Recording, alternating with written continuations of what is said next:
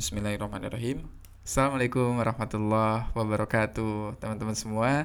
Oke kemarin aku mau buat sebuah podcast Tentang Ngebahas tentang keajaiban dari huruf-huruf mukoto'ah Jadi teman-teman semua Pernah gak sih denger yang namanya Huruf-huruf mukoto'ah Nah jadi di dalam Quran itu ada yang namanya huruf-huruf mukoto'ah Artinya mukoto'ah itu eh, putus-putus ya di Quran itu kayak contohnya kayak gimana sih huruf muqatta'ah itu? Nah, ada beberapa contoh seperti alif lam mim atau misalkan alif lam ro yasin qaf sod dan macam-macam bentuknya. Nah, ketika kita mempelajari huruf muqatta'ah ini biasanya di berbagai macam ayat huruf-huruf muqatta'ah ini dilanjutkan dengan di ayat setelahnya itu pasti ngebahas tentang keagungan Al-Qur'an. Misalkan contohnya di surat Al-Baqarah Alif Lam Mim kitabu la raiba fi. Kemudian di Quran surat misalkan Yasin wal Qur'anil Hakim. Di Quran Sod, Quran surat Sod, Sod wal Qur'ani atau di surat Qaf, Qaf wal Qur'anil Majid dan di berbagai macam ayat misalkan di surat Ghafir Hamim Tangzilul Kitab Minallahil Azizil Hakim dan seterusnya.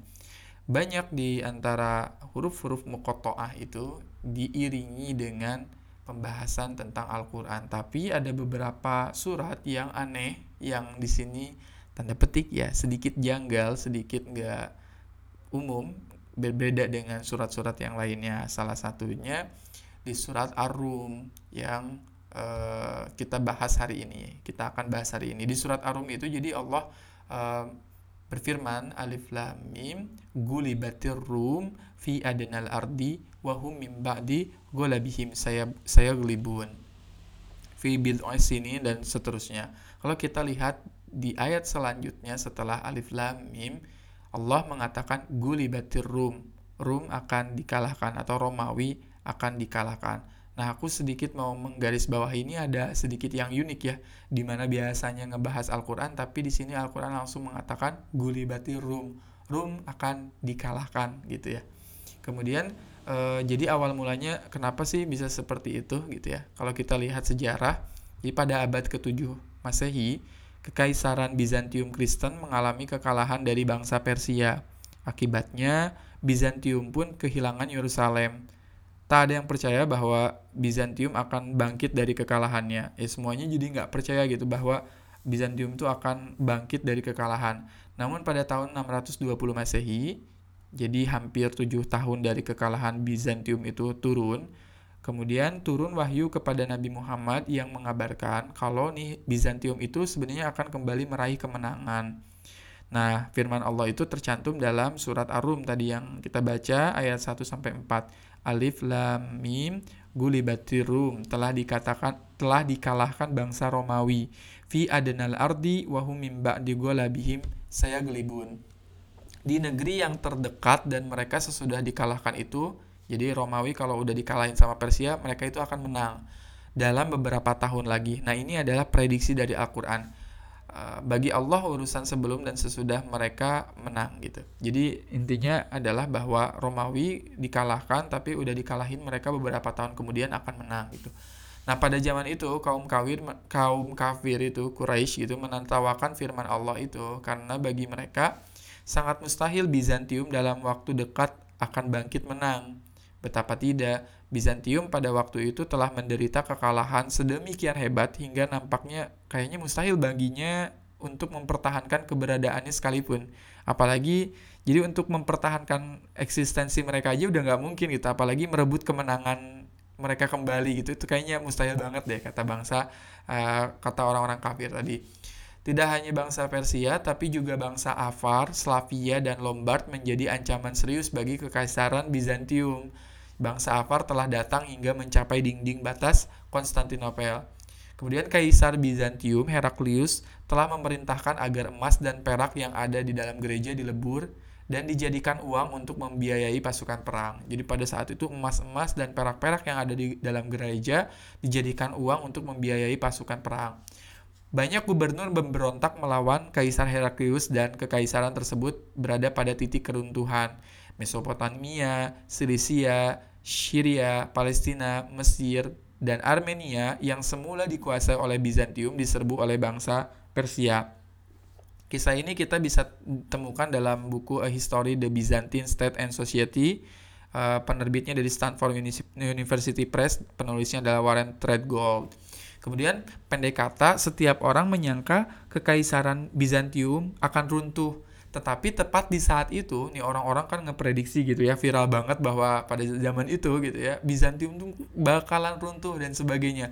Tetapi te tepat di saat seperti itu, ayat pertama surat Ar-Rum ini diturunkan oleh Allah Subhanahu wa taala dan mengumumkan bahwa Bizantium akan mendapatkan kemenangan dalam beberapa tahun lagi. Ini keren banget ya, prediksi dari Al-Qur'an kemenangan ini tampak sedemikian mustahil banget sehingga kaum musyrikin ya di Arab itu di Quraisy itu menjadikan ayat ini sebagai bahan cemoohan. Oh, diketawain, dibercandain gitu ya.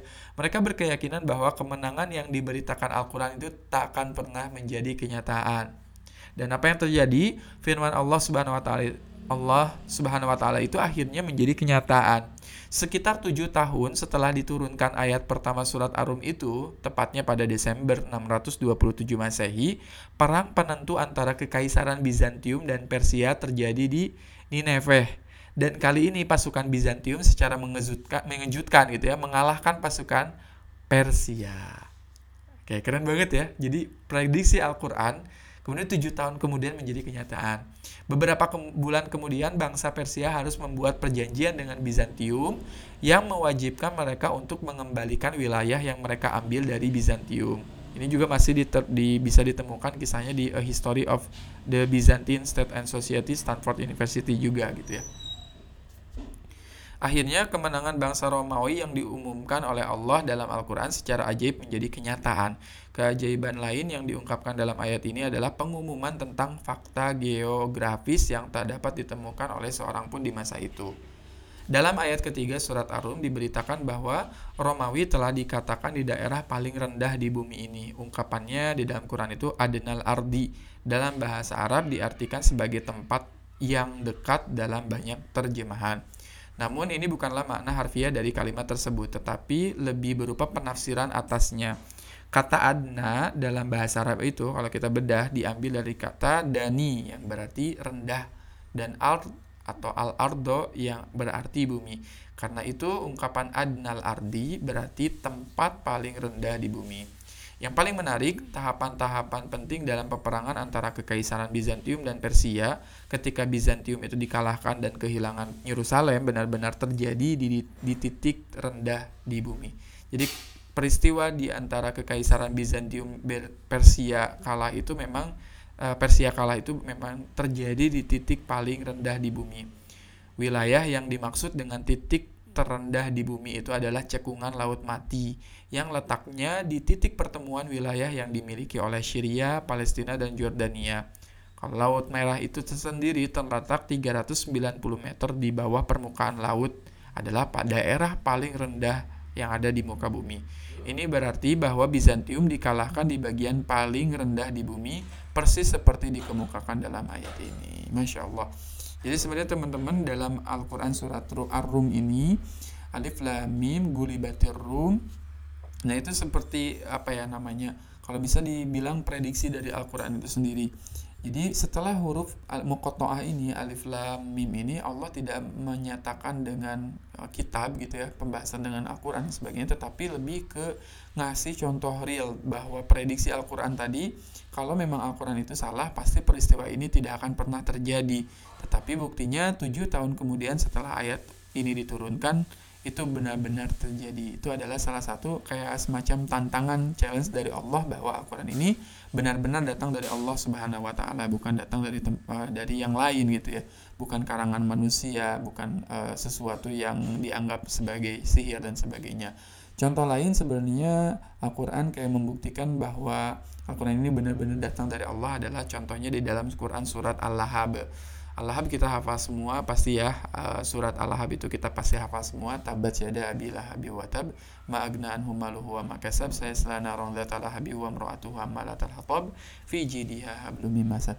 Nah dalam surat Al-Lahab ini sebenarnya Allah kayak membuktikan juga menantang bahwa Abu Lahab dan istrinya itu akan masuk ke dalam neraka. Nah sebenarnya kan simpel banget ya. Kalau memang Abu Lahab ini pintar sebenarnya kan Abu Lahab ini tokoh yang pintar ya Amr bin Hashir Amr bin Hisham uh, dijulukinya juga sebagai Abul Hakam ya.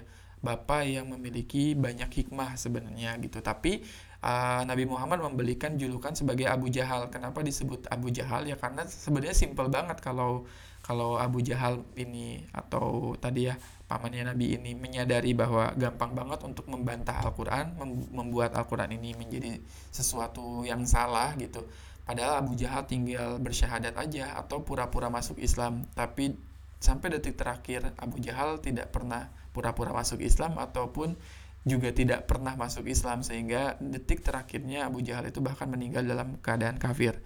Jadi benar-benar uh, Al-Quran ini tadi bisa membuat kayak semacam prediksi gitu ya, membuat uh, tentang apa ya gambaran-gambaran masa depan yang benar-benar e, membuktikan bahwa Al-Quran ini adalah datangnya dari Allah bukan datang dari makhluk. Jadi hikmahnya adalah apa? Ketika di dalam surat uh, Ar-Rum ini Allah Subhanahu wa taala tidak menggambarkan di ayat keduanya tentang kitab, tapi langsung Allah nge-mention tentang kisah-kisah yang membuat kita itu uh, dipertaruhkan kebenarannya Al-Quran ini sendiri. Jadi Al-Quran sedang mempertaruhkan kebenarannya sendiri, apakah benar atau tidak, dan kenyataannya itu semua terjadi. Masya Allah. Sadaqallahul maha benar Allah dengan segala firman-Nya dan insya Allah ya, semoga kita bisa lebih semangat lagi memperdalam eh, kisah-kisah yang ada dalam Al-Qur'an dan kita bisa ambil hikmahnya gitu. Terima kasih teman-teman yang sudah menyimak podcast kali ini mudah-mudahan bermanfaat. Assalamualaikum warahmatullahi wabarakatuh.